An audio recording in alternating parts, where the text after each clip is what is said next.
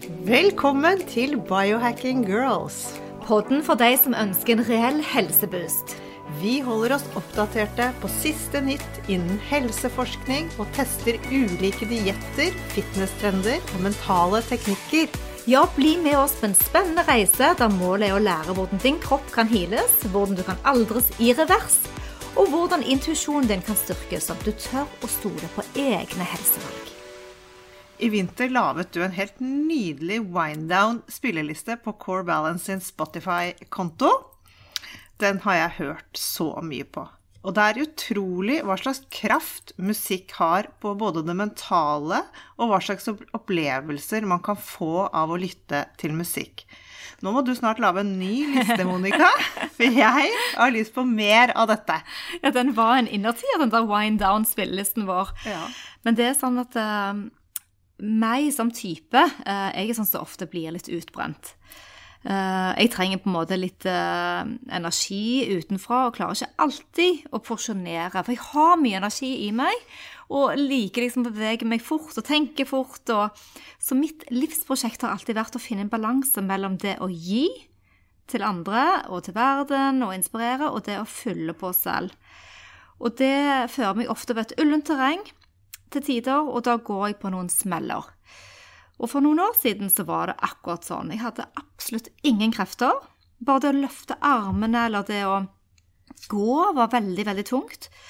Og jeg husker det så godt, fordi det var på julaften da jeg tipper det sist, sist runde jeg hadde en sånn følelse av utbrenthet, det var eh, for fem år siden. Og på julaften da så eh, dro vi da i kirken, på vanlig katolsk messe, sånn som vi pleier å gjøre. Og jeg satt bare der, eh, og så skjedde det noe. Jeg kom utbrent ut, men så kom jeg med energi ut av kirken. Altså jeg kom utbrent inn, men jeg dro derifra, så hadde jeg plutselig mye mer energi. Og det var egentlig litt interessant, for dette påfyllet det var jo et av åndelig karakter. Det var ikke noe yoga eller noe sånn um, sovet bedre eller spist annerledes. Det var rett og slett et påfyll som jeg ikke hadde vært så god til å gi meg sjøl på en stund. Så jeg har jo blitt mye bedre. Nå er det fem år siden bank i bordet, siden jeg hadde en sånn følelse av utbrenthet. Og det er en god reminder og bare det å sitte Du kan sitte i et tomt kirkerom, du kan sitte på et kloster, eller Det er noe mer enn å gå på stranden eller gå på ski eller være på fjellet. For det kommer på en måte eh, fra innsiden. Og den følelsen av bliss, den har jeg savnet mye, og derfor jobber jeg spesielt mye med det. Det er jo litt som musikk òg, men, eh, men det gir iallfall meg næring. Ja, så utrolig kult.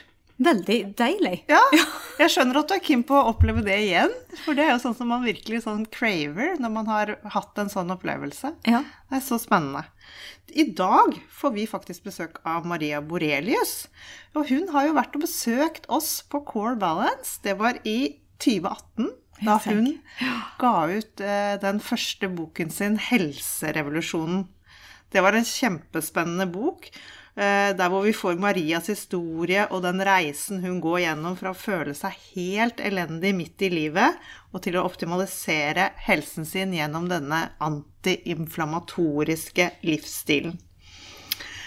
Maria hun fikk virkelig blod på tann, for året etter, i 2019, kom den nye boken, nemlig Bliss. Ja. Og den start, starter der helserevolusjonen slutter. Ehm, den har du lest eh, ganske har, nøye, har du ikke det? Jo, jeg har lest eh, begge de to. Jeg har ikke lest den siste, men hun snakker jo litt om denne følelsen av, eh, av, av å få det det, ja. påfyll. Ja. Det bliss-øyeblikket. Ja, ikke sant? Og det at denne antiinflamatoriske livsstilen består faktisk veldig mye av det også. Det er det som hun går inn i, i hvert fall i denne Bliss-boken. Uh, og der uh, reiser hun vel også rundt i verden og begynner å se hvor folk lever lengst. Og det skal bli spennende å høre litt om. Dette er jo jammen meg en driftig dame, for i fjor kom siste boken i denne serien, 'Forundring'. Eller om det er siste, vet jeg ikke. Nå handler det om AVE, ærefrykt. Det er ikke bare mat, trening og søvn som du snakker om, som får, får oss til å føle oss så bra, men også denne wow-følelsen, den som du opplevde. Og jeg vil òg ha den. ja. Eh, som du beskriver så godt. Eh, denne kan man jo også få Jeg kan få den litt sånn i naturen, særlig ved havet. Det der, altså, at det å se utover et hav, det syns jeg er helt magisk hver gang. Hvis man klarer å sånn sette seg ned og ta seg tid til det. Har du noen andre sånne steder hvor du kjenner på en sånn ja, wow-følelse? Altså, jeg har jo vært på pilegrimsreise til Santiago de Compostela og laget uh, noen TV-serier derifra, så jeg har jo vel kanskje hatt den i går litt sånn på hellig grunn. Det er akkurat som jeg må ha litt mer enn bare naturen, som jeg sa òg tidligere. Men, men uh, hvis jeg skulle liksom flytte meg bort fra kirkerommet og messene og det katolske, så tror jeg kanskje det er strender da som uh, gjør at jeg slipper på en måte tid og rom og er i ett med naturen. Og jeg har jo òg vært masse i Falsterbo, der som Maria delvis bor. Har du det? Ja, så det er jo en av de strendene jeg elsker mest. Jeg har fantastiske venner i Falsterbo, så jeg elsker å dra tilbake hvert år. Jeg har ikke møtt Maria der, men, men der òg kan jeg få denne følelsen av å være veldig liten i en stor, stor verden. Og jeg husker en gang jeg var i Miami, det var første gang jeg var i Miami, faktisk. Jeg sto nede på stranden der og kunne se utover i horisonten at jorden var rund. Det var ikke flatt, for det er så åpent utover mot Caribbean.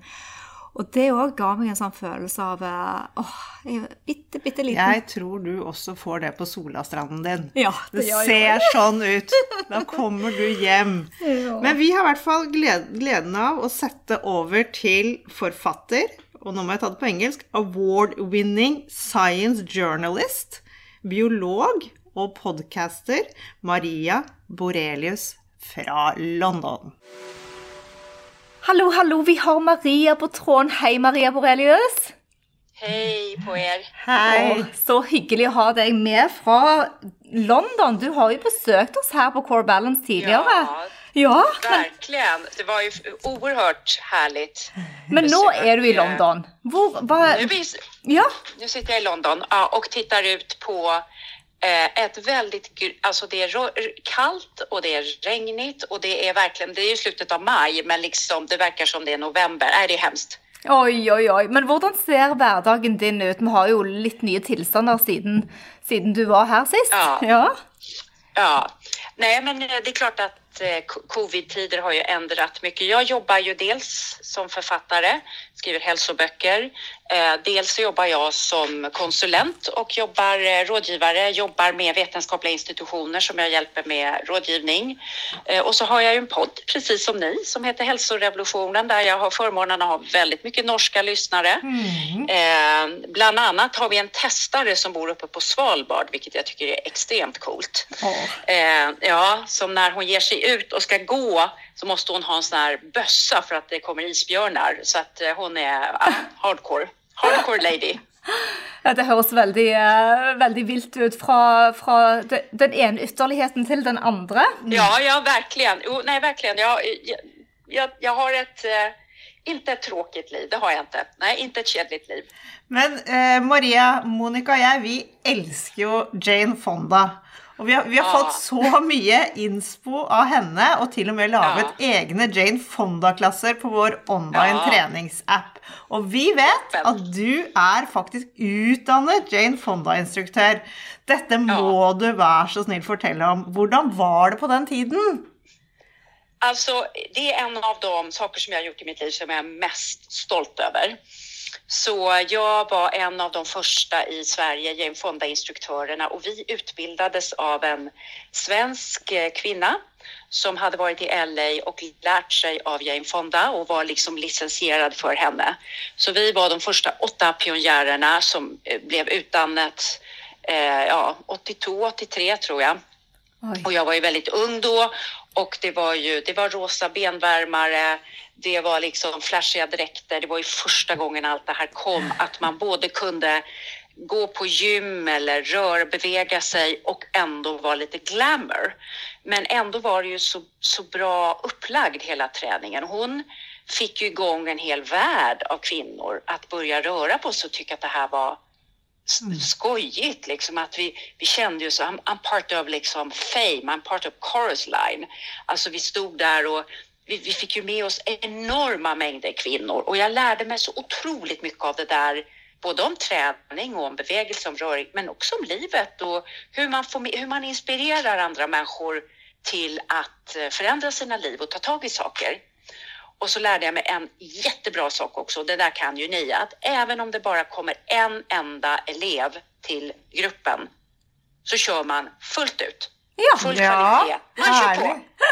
Man kör på. Ja. Og, Ja, man og, ger allt. med høyt hår og leggvarmere og musikk og full pakke. Og til og med litt, litt, litt lipgl- lipgloss. Ja, Ja. absolut. Att lip, t- t- alltid minst två lipgloss farber. Fantastisk. Gud, så gøy. Ja. Men du, la oss ta et lite stort trampolinehopp, holdt jeg på å si, og spole litt frem nå til noen år tilbake, hvor du da har et spennende for, startet reisen på et spennende forfatterskap. Hva gjorde at du begynte din reise den veien, Maria? Ja, det var ju... Tror man på liksom osynliga händer i livet så kan man säga att det var ju en osynlig hand som guidade mig och det började egentligen med en kris kan man säga. Jag fick en livskris i början av, ja, kring klimakteriet, för klimakteriet. Jag mådde väldigt dåligt. Jag hade ont i ryggen.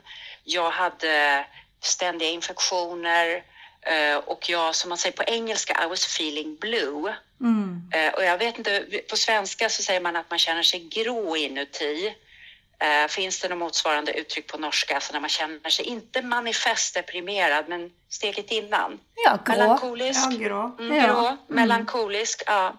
Och jag hade också en så här riktig ständig bilring kring magen som skvalpade runt. Jag liksom, de här tajta topparna jag hade haft tidigare, det gick ju inte, utan det var liksom lång t-shirt hela tiden eller liksom ner. Va? Eh, och jag, eh, i min okunskap då, så jag satte inte ihop de här symptomen på något sätt. För mig var det fyra helt olika saker. Jag gick till min gynekolog, han kunde inte hjälpa mig och ryggdoktor, de undersökte, det var inga fel. Och så råkade jag av en slump hitta en personlig tränare online, för jag reste väldigt mycket då och var eh, chef för en mikrofinansorganisation som jobbade ihop med andra organisationer i Afrika och Indien. Jag satt på flygplan hela tiden.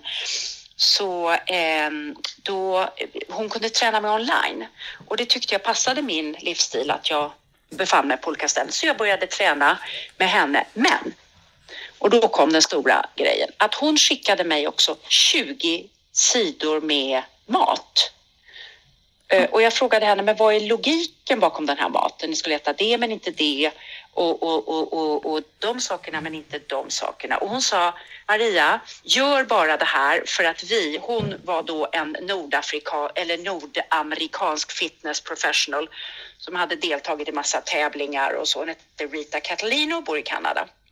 Och hon tränade massa eh, såna här bodybuildar, eh, sådana som tävlade i bodybuilding, fitness-tävlingar. Och hon sa att vi har lärt oss att den här kosten kommer ge snabbast resultat på styrka och, eh, du, och and you're gonna feel and look gorgeous, sa hon till mig dessutom. Wow. Okej, ah, wow. Så jag eh, körde igång på det här och jag tyckte det var jättesvårt att byta ut min kost. Jag skulle inte äta bröd, jag skulle inte äta pasta. Hon, kunde, hon förklarade liksom inte det här med något gluten. Det var inte känt då, Nej. 2013. Det var ingen som pratade om det här då. Men det var, och jaha, jag hade ju spisat bröd förut och jag hade ju tyckt om pasta och, och jag åt gärna en liten eh, kaka, carrot cake eh, till kaffet efter maten och så, åt mycket grönt, spisade mycket grönt och sådär men drack vin tre, fyra dagar i veckan och jag tyckte inte jag levde osunt men i alla fall, jag började då ändra långsamt, trevande. Hade otroligt mycket problem, snubblade, trillade, reste mig upp igen. I alla fall, efter sju, åtta veckor så var min rygg ond. Den var borta och jag mådde så bra. Jag var glad, jag var positiv, jag var ljus. Min man sa liksom, jag börjar känna igen dig nu. Det här är ju du. Åh. Och mina infektioner, jag, hade, ju- jag var inte sjuk någon dag. Jag vaknade varje morgon med hög, ren, ljus energi. Och hela min mage, hela den här muffin top, bilring, vad säger man på norska? Ni Ja, vet det här kring bilring. magen. Vi- En På, äkta, på spansk så heter det Michelin. Ja. Michelino, Ja. precis. Hela Michelinon hade smält ner, var borta. Wow. Eh, och jag bara tänkte det var ett jättebra träningsprogram och inte mer med det. Och tre veckor senare så sitter jag i rådgivande kommittén för Lunds universitet. Där går för övrigt väldigt mycket norska studenter och pluggar. Mm. Eh, och då ska vi träffa en forskare som håller på med ett helt nytt område 2013 som heter antiinflammatorisk mat. Jag har aldrig hört talas om det innan. Jag sitter och lyssnar och hon berättar om, de har gjort ett experiment på 44 personer i södra Sverige där de har fått effekter på kolesterolvärden, blodtryck, eh, en rad faktorer, till och med kognitiv förmåga, alltså inlärningsförmåga. Och de har använt en speciell kost och hon berättar om det här. Jag sitter och lyssnar, jag antecknar, det är intressant, jag är professionell. Men när hon lägger upp, den här forskaren, professor Inge Björk, listan på maten som försökspersonerna har spisat så är den identisk med hur jag har ätit under min träningsperiod med den amerikanska tränaren. Utrolig. Dette er veldig Och det här är ju, det är så, och du vet jag håller ju näst, jag, jag faller av stolen nästan, jag trillar av stolen. För att jag blir, men det här är ju så märkligt. Vad är detta? Så jag går ju fram till den här forskaren och säger, men jag lever ju så här och har lagt om efter ungefär det här. Nej, nej, nej, det här är ju experimentstadium, säger hon. Och jag går hem och skriver till min tränare. Så skriver jag, Rita, Rita, det har ett namn, antiinflammatorisk mat. Och där börjar liksom min resa att försöka förstå vad jag själv har utsatt mig för, varför det här ändrat min kropp. Finns det mer i det här? Kan det här betyda något för andra?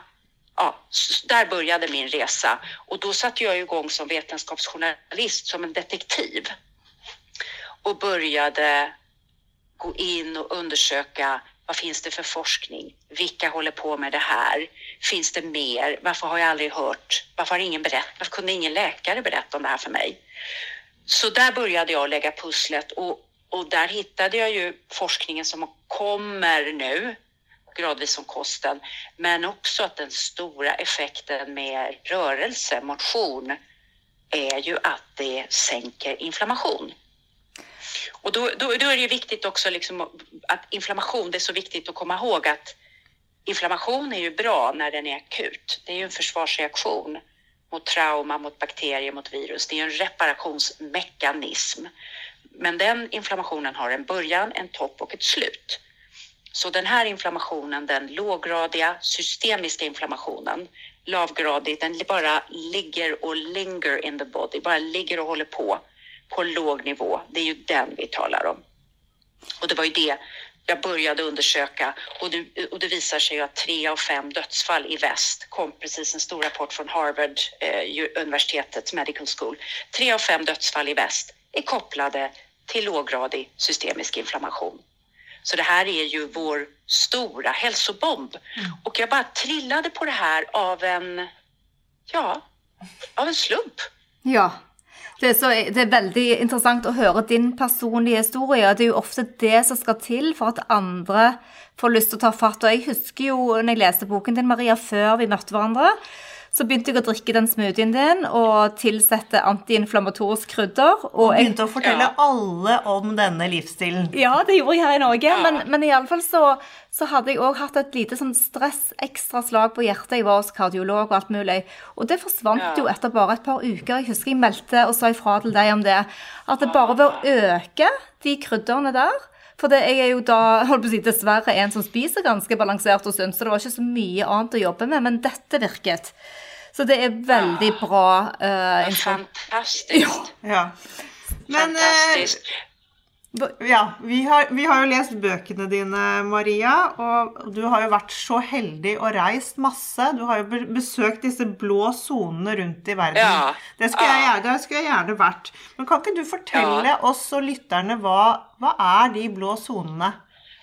Ja, så de blå zonerna är fem zoner på jorden, fem områden där människor lever extra länge. Så där finns det ovanligt många friska, hälsosamma hundraåringar. Och de fem zonerna är, om vi tar det från öst till väst, det är Okinawa, det är öar i Stilla havet ut, som tillhör Japan sedan andra världskriget. Eh, det är eh, i Medelhavet så har Ikaria eller Ikaria som grekerna säger själva. Det är en liten ö eh, nära Turkiet och sen har du delar av Sardinien, alltså sö eh, södra Italien. Så där var tre zoner och sen har du en fjärde zon som en del av Nicaragua så finns en liten halvö. Eh, förlåt, Nicoya-halvön, förlåt jag säger fel, eller Nicaragua, ja det är Nicaragua, det är Nicoya-halvön, alltså i eh, Mellanamerika. Och sen är det en religiös sekt eh, i en, utanför Los Angeles. Och de heter sjundedagsadventister på svenska. Ja, syv dagars Eh, på norsk. sy, syvdagars adventister och de är vegetarianer, de är vapenvägrare, mycket fridfulla eh, människor som bor ungefär en mil söder om eh, Los Angeles i en ort som heter Loma Linda. Och där driver de en, en fantastiskt stort eh, Loma Linda University där hälsa är, är väldigt viktigt. Så jag har varit i två av de fem och planerar att åka till ytterligare två Åh. här under det kommande halvåret när corona släpper. Så att, eh, för jag håller på med nya böcker. Och varför jag har varit intresserad av att besöka de här är följande. Så min tanke har varit att eftersom man vet att en av de främsta faktorerna att driva inflammation är åldrande. Läkarna har ett uttryck som de kallar inflammaging. Det är alltså inflammation och aging ihop, inflammaging. Och då har jag tänkt så här att men om inflammation och åldrande är kopplat, är det så att man i blåzonerna lever antiinflammatoriskt utan att veta det? Förstår ni vad jag menar? För det här, Ja. de, har ju inte, de har ju ingen eh, vetenskaplig grund för det de gör. Det har ju bara blivit så av, av tradition, deras kultur och den mat som finns. Så det är det jag har varit nyfiken på att undersöka. Och eh, det är ju precis när jag kommer dit så har jag upptäckt att det är ju precis det de gör. Därför att deras mat är antiinflammatorisk. Den ser helt olika ut. Det man äter i Loma Linda, Ja. eh, syvdagars adventister och det man äter på Okinawa, det är ju helt olika livsmedel. Men principerna i maten, det är de samma. Det vill säga hög grad av omega-3-fetter. Ja. På Okinawa så är det ju seafood från havet. Eh, de spisar eh, musslor, de spisar räkor, de spisar fisk. Eh, medan i Loma Linda så äter de väldigt stora mängder nötter. Och de äter också mat som är väldigt rik på de här antioxidanterna som kallas polyfenoler och fibrer. Så i Okinawa så spisar de otroliga mängder med alger Ja. från havet mm. och olika typer av salat. Och eh, i Loma Linda, ja de är ju vegetarianer, de äter otroligt mycket frukt och grönt varje dag och bär. Eh, och det tredje är då eh, probiotikan. Eh, alltså den, den bakterierika maten. Och på Okinawa så är det ju stora mängder miso, misosoppa. För miso är ju en fermenterad sojabönsprodukt som är probiotikarik. Medan i Okinawa äter de stora mängder eh, sån här sojayoghurtar, alltså yoghurtar gjord på alternativmjölk för att få i sig. Så att, eh, och sen har de då också att de rör på sig jättemycket på båda ställena och de eh, eh, har hög grad av andlighet och de har en hög grad av så att säga community awareness, alltså vad ska jag säga, alltså en känsla för människorna omkring. Eh, och eh, där de är i samklang, de har olika system för det här och det ser olika ut på de olika ställena. Så att jag var då på Okinawa i, i, med, och hängde med de här hundraåringarna i en vecka, vilket var helt fantastiskt. Och se hur, alltså du vet en människa som är hundra år och, och kliver ur sitt lilla var det, ja, ett bambuhus och på sin veranda gör sin morgongymnastik som hon har gjort varje dag sedan 1938. Ja, som är, du vet, är, är typ nästan som en sån här eh, sun salutation skulle jag säga, yogaövningar. Mm. Och sen går och arbetar en full dag på fälten som jordbruksarbetare och sen kommer hem, lagar sin mat, har sin lilla religiösa ceremoni framför sitt altare som hon har i sitt stora rum där hon talar med sina förfäder, ber om frid i hjärtat. Eh, alltså få se allt det här var ju helt fantastiskt. Helt fantastiskt.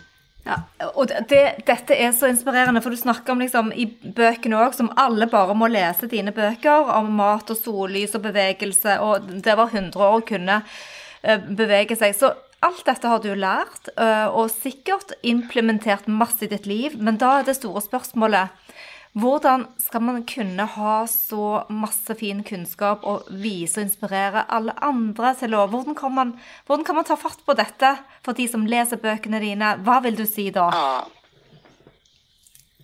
Ja, men det här tycker jag är så...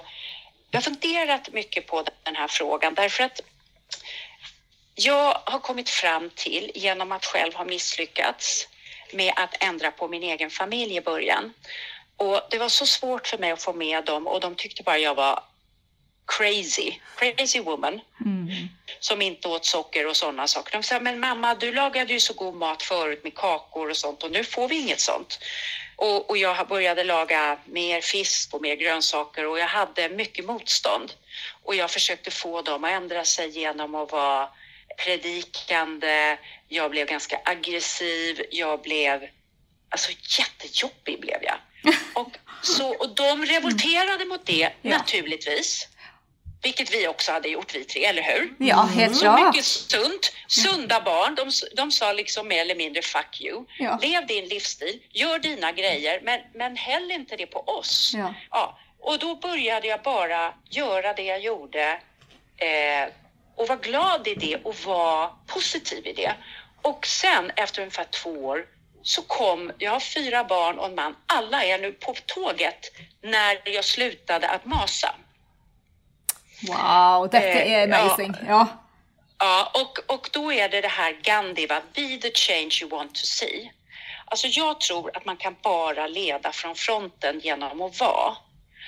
Eh, och det här har jag funderat mycket över, så jag har bestämt mig för att jag skriver inga hälsoböcker som talar om för någon annan vad de ska göra.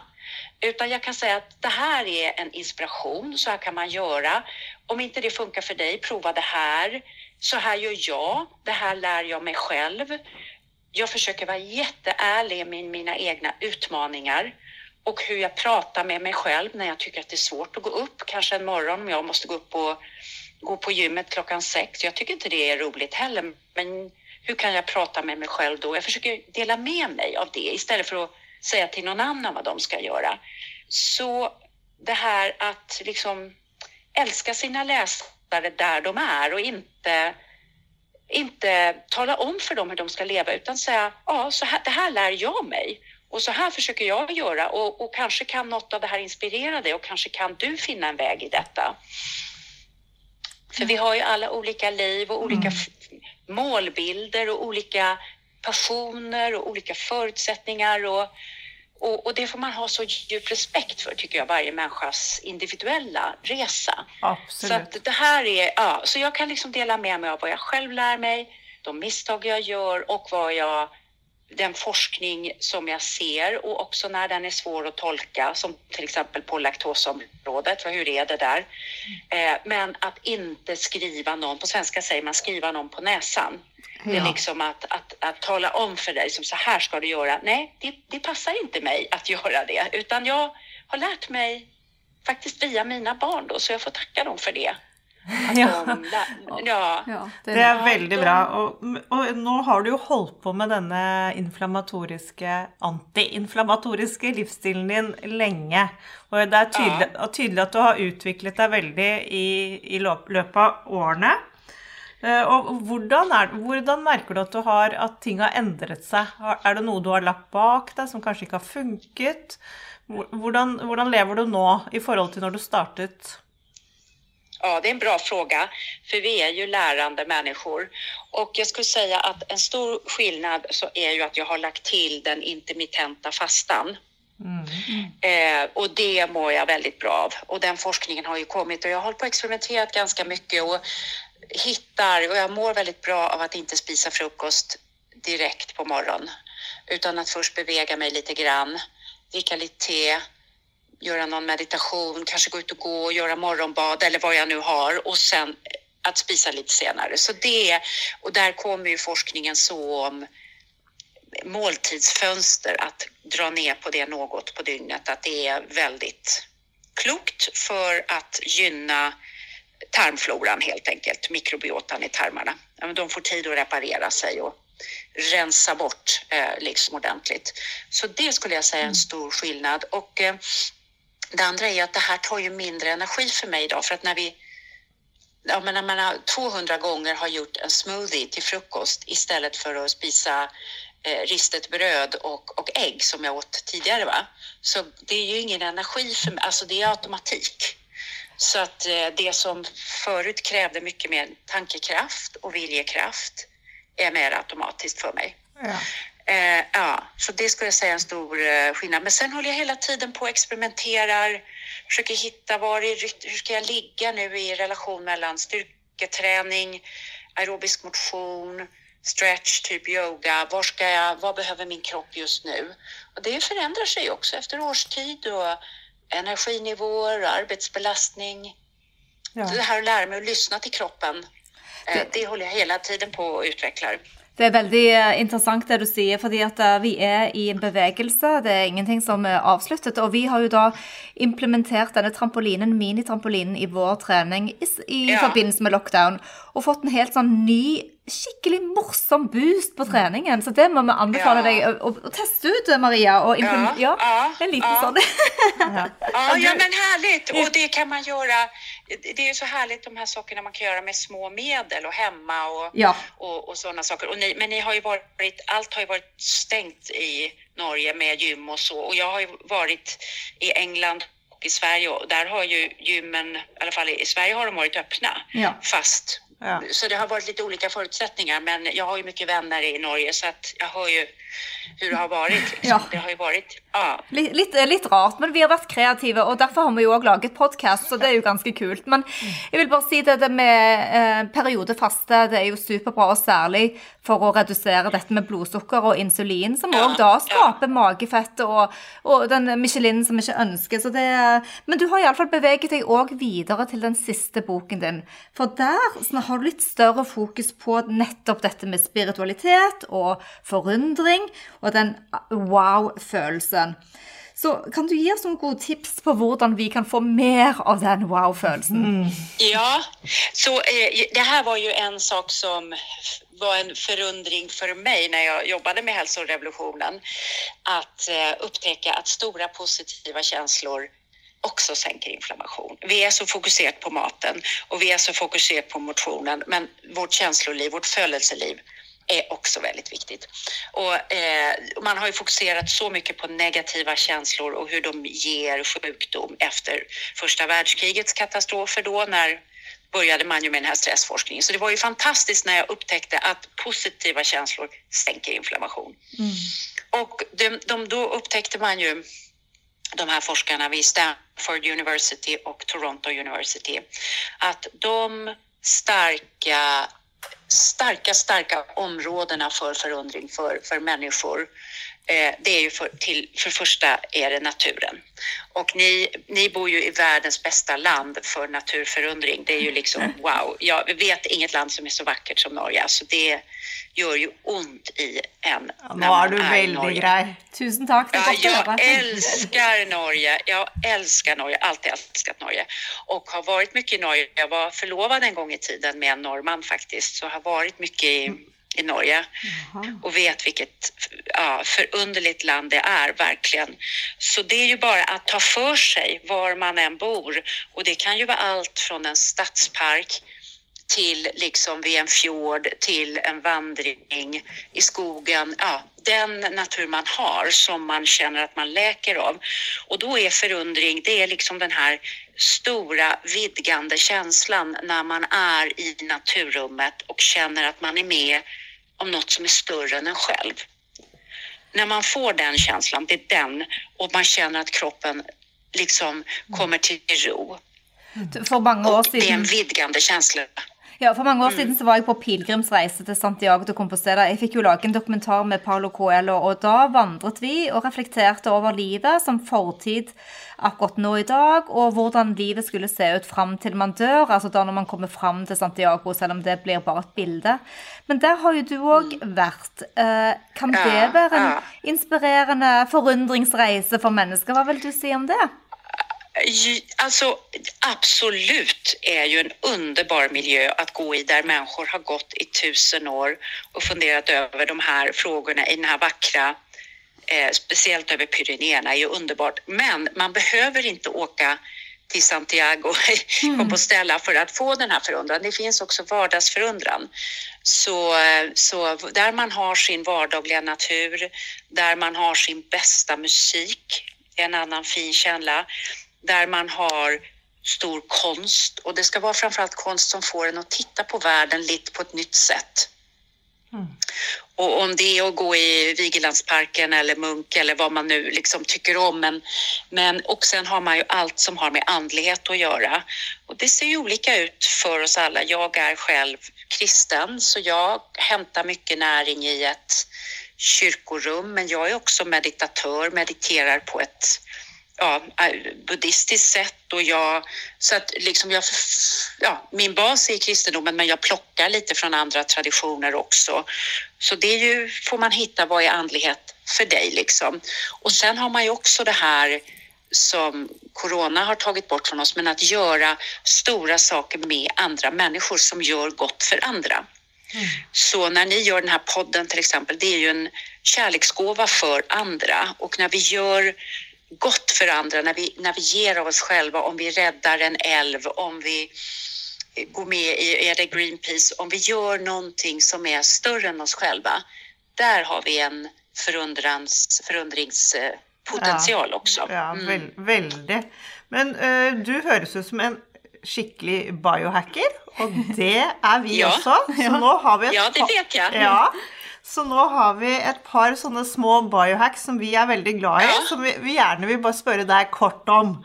Og det Ja, er det første som vi vet du driver med, isbading. Ja, Ja, det och det älskar jag och jag har faktiskt eh, haft förmånen att bada med Tjuvholmen Icebreakers i Ooh. Oslo. Ja, jag har en väninna som bor, eh, arbetskollega som bor längst ut på Tjuvholmen och hon har en svömmeklubb som klockan sju varje morgon så står de upp i, i, oavsett när och jag tror att det var i början av mars förra året. Då var jag nere och badade med dem. Sen dricker de kaffe på det och pratar igenom dagen och sen börjar dagen. For Så jag herlig försöker ja. göra det ja, mi- minst en gång i ukan. Lite, det beror lite på vad jag är också, men eh, det älskar jag. Ja. Eh, och eh, det, här, det kommer mycket forskning om just hur kyla är värdefullt för immunförsvaret och eh, även psykologiskt, alltså att höja mood i kroppen, liksom att höja energinivån. Då. Ja, og når vi Eh, inne på så- det med å høye energinivået, hva med sollys og vitamin D3?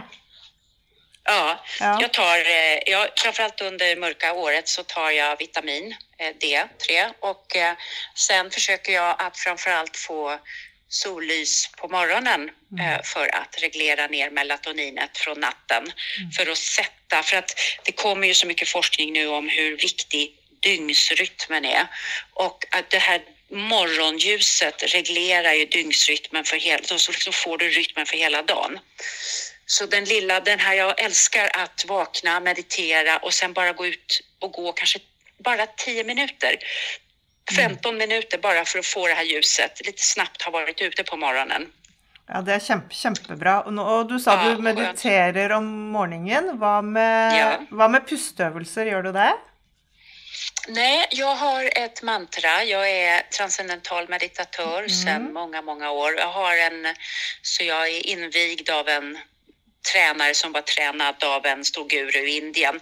Men det finns ju så många tekniker. Jag menar, det, Ja. det här är ju en av många tekniker.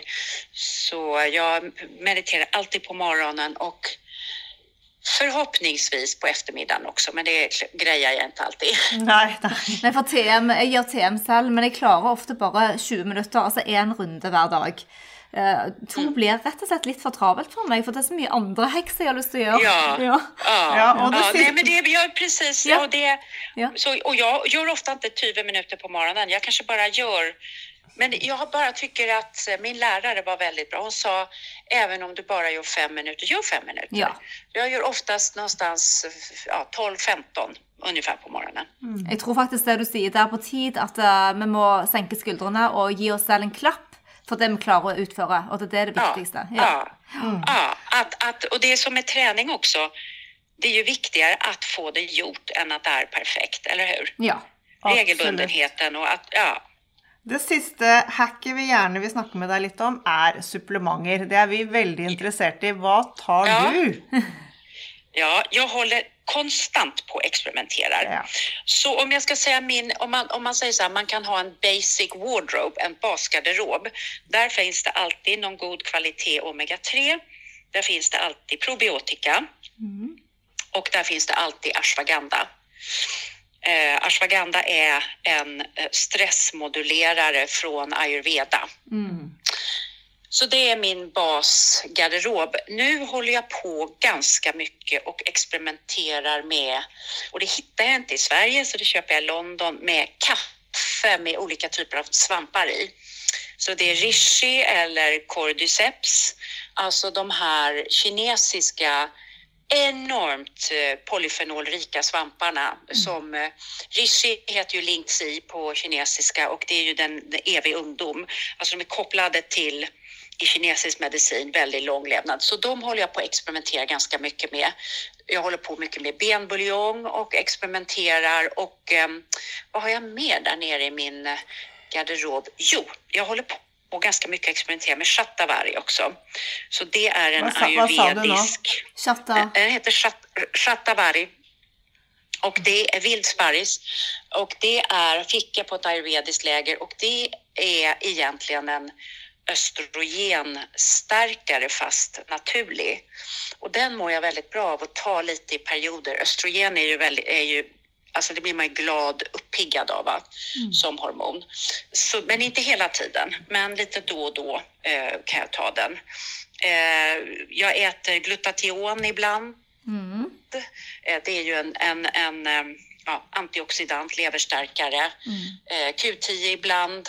Jag håller på att experimentera. Mm. Veldig bra. Og det, det, disse soppene, disse svampene du refererer til, Ja. det, det vi, vi elsker jo nootropics. Og akkurat nå så er vi litt sånn eh, fascinert av Lions Mane. Men eh, Ja, det är en av... ja, Har du prøvd? precis. Ja.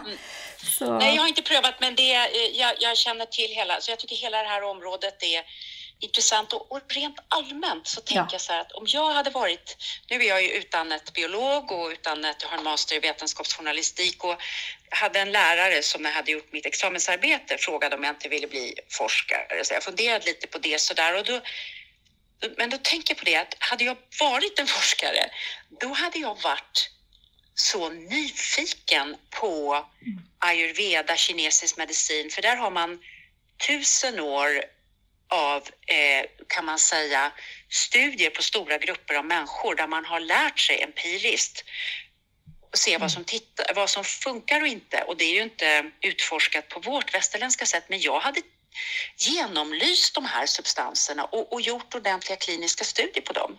Er så enig, og vi pleier å putte det oppi kaffen sånn som du gjør, og brain drug rett og slett eh, forsterker opplevelsen, og, og i beste fall få en medisinsk eh, fordel. Men du Maria, til noe helt annet. Det handler jo litt om mat, eh, disse nootropicsene òg, men du har òg lansert nylig det som eh, ser du kaller for meal planner. Kan ikke du fortelle Ja. oss litt? Hva slags type Har du en diett eh, Vi er veldig keto-coacher, da, men er det en diettretning du tenker på i tillegg til antiinflammatorisk? Eh, Alltså så här är det att eh, mealplan är ju mer ett sätt att planera för hur man ska äta.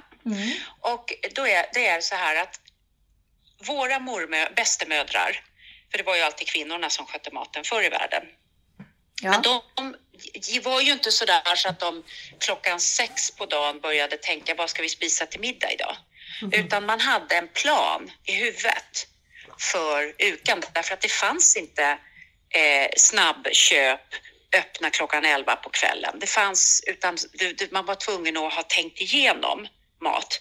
Och det gjorde ju också att man åt bättre näringskvalitet, billigare och mer sustainable. Mm. Därför att man, man tänkte igenom, jaha, men om jag ska använda gula rötter eh, den dagen, då kanske jag gör en gratäng på det dagen efter och så har jag sallad den dagen. Och man tänkte igenom hur maten skulle användas. Mat var väldigt dyrt också. Och jag tror att om vi vill ha kostvanor som är hållbara så är det väldigt bra att börja planera sin, sitt ätande. Och jag menar inte som någon liksom, stenhård disciplin, men som ett riktesnöre. Mm. Så jag gör det här för söndagen.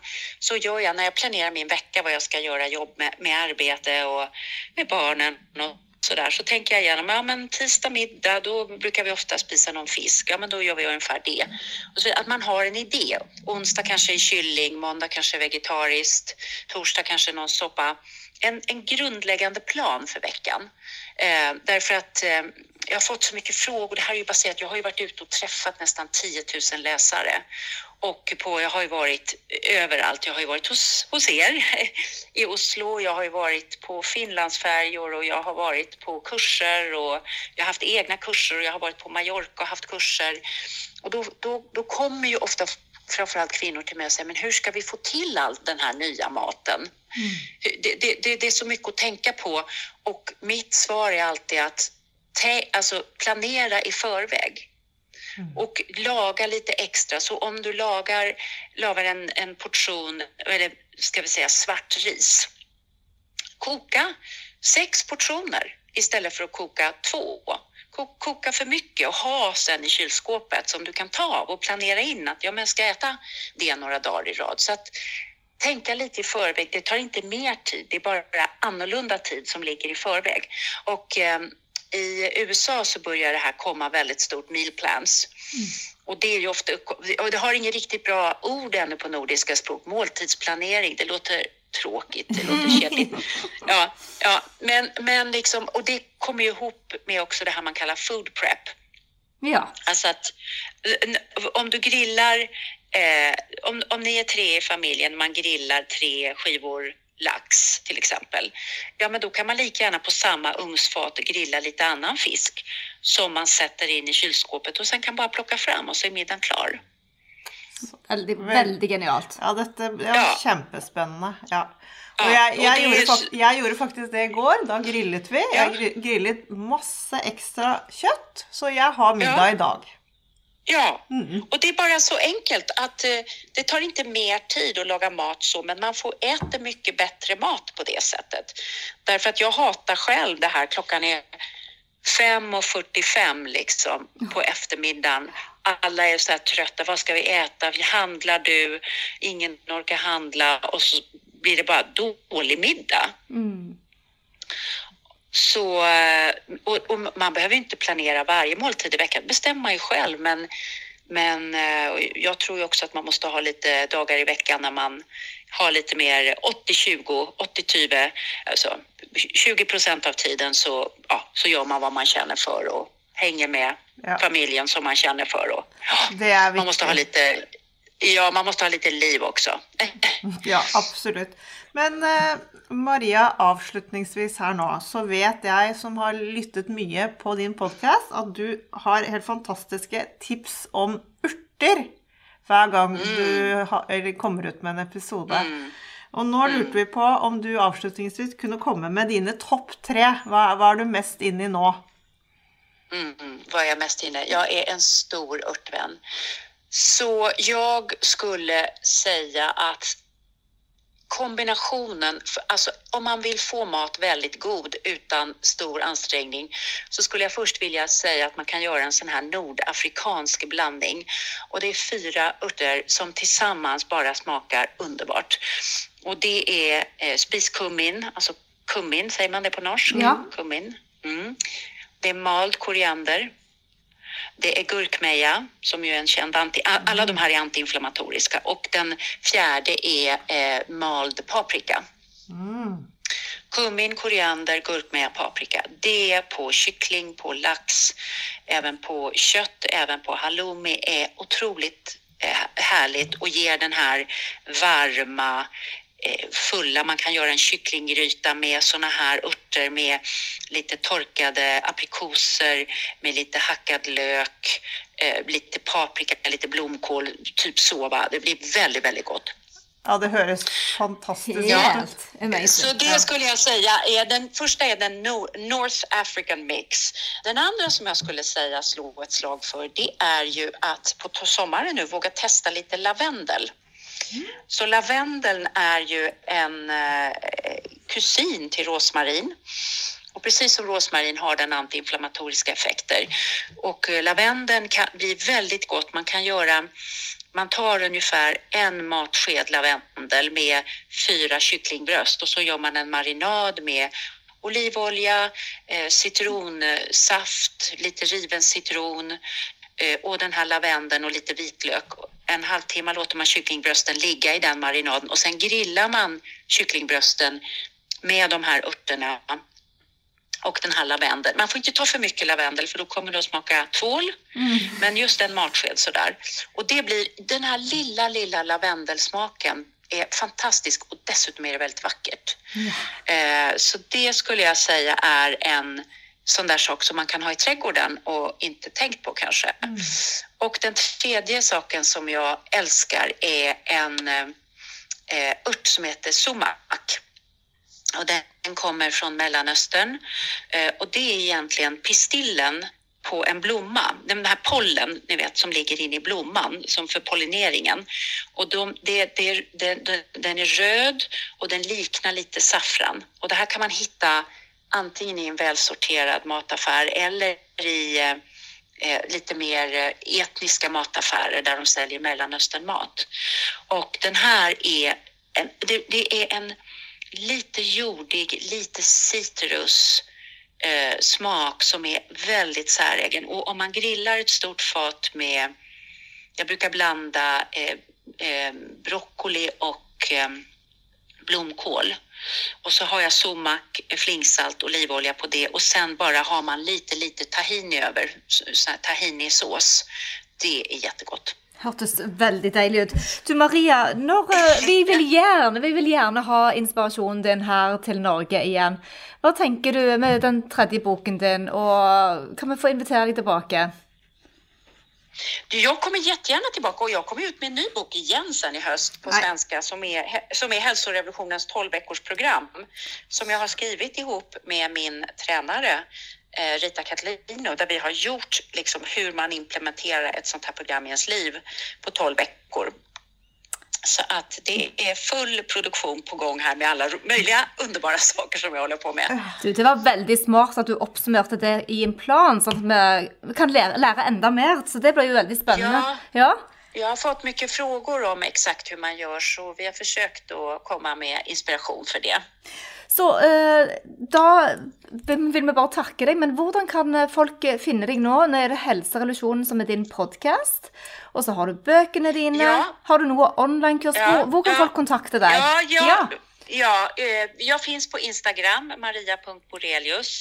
Och jag, om man skickar ett DM till mig så brukar jag försöka svara. annat fall om man, jag finns på info at mariaborelius.com är min mail. Och ja, där finns jag. Du, det var veldig fantastisk. Og nå skal du snart tilbake til Falsterbo. Det er jo en av mine favorittstrender i denne Ja. verden. Ja, Skal du snart hjem der, eller? Ja, ja, Ja. alltså vi, vi ja, det, det är en fantastisk eh, strand och jag är så privilegierad att få bo nära en så vacker naturområde. Det är ju naturreservat och i London bor jag nära floden Themsen och det här att vara nära vatten är ju otroligt eh, berikande. Det ger ju väldigt mycket energi. Det är ju de här negativa jonerna som finns kring vatten som är ju väldigt lyftande. Ja, da var du inne på noen biohack som heter earthing Ja. og grounding, så vi syns dette Precis. ja, Men det får bli en annen episode. Men du Marie, kan vi ikke Ja. si det sånn at ikke, hvis, hvis ikke du kommer til Norge ganske snart, så kommer Alette og og meg og besøker deg enten i Falsterbo eller i London. Ja, ni är så välkomna. Ni är så välkomna. Det, vi har mycket att prata om. Ja. Det här är så stort, det här området. At det er så spennende med helse. Tusen hjertelig takk for at du kom innom oss i dag, Maria. Tusen takk, Tack. Maria. Ja, var rädda om er. Ha det gott. Ha det godt. Ha det. Hej, hej. Hei, hei. Og til dere der hjemme, vi legger under noter og informasjon og alle krydderne fra Maria og link til hjemmesiden hennes og til podkasten, så det er bare til å ta kontakt med Maria òg. Maria Borelius. Og happy biohacking, alle sammen. Vi minner om at dere må snakke med egen lege eller kostholdsveileder om dietter eller andre spørsmål relatert til medisiner og supplementer. Informasjonen vi deler kan ikke bli brukt til å diagnostisere, behandle, forebygge eller kurere noen sykdommer eller tilstander.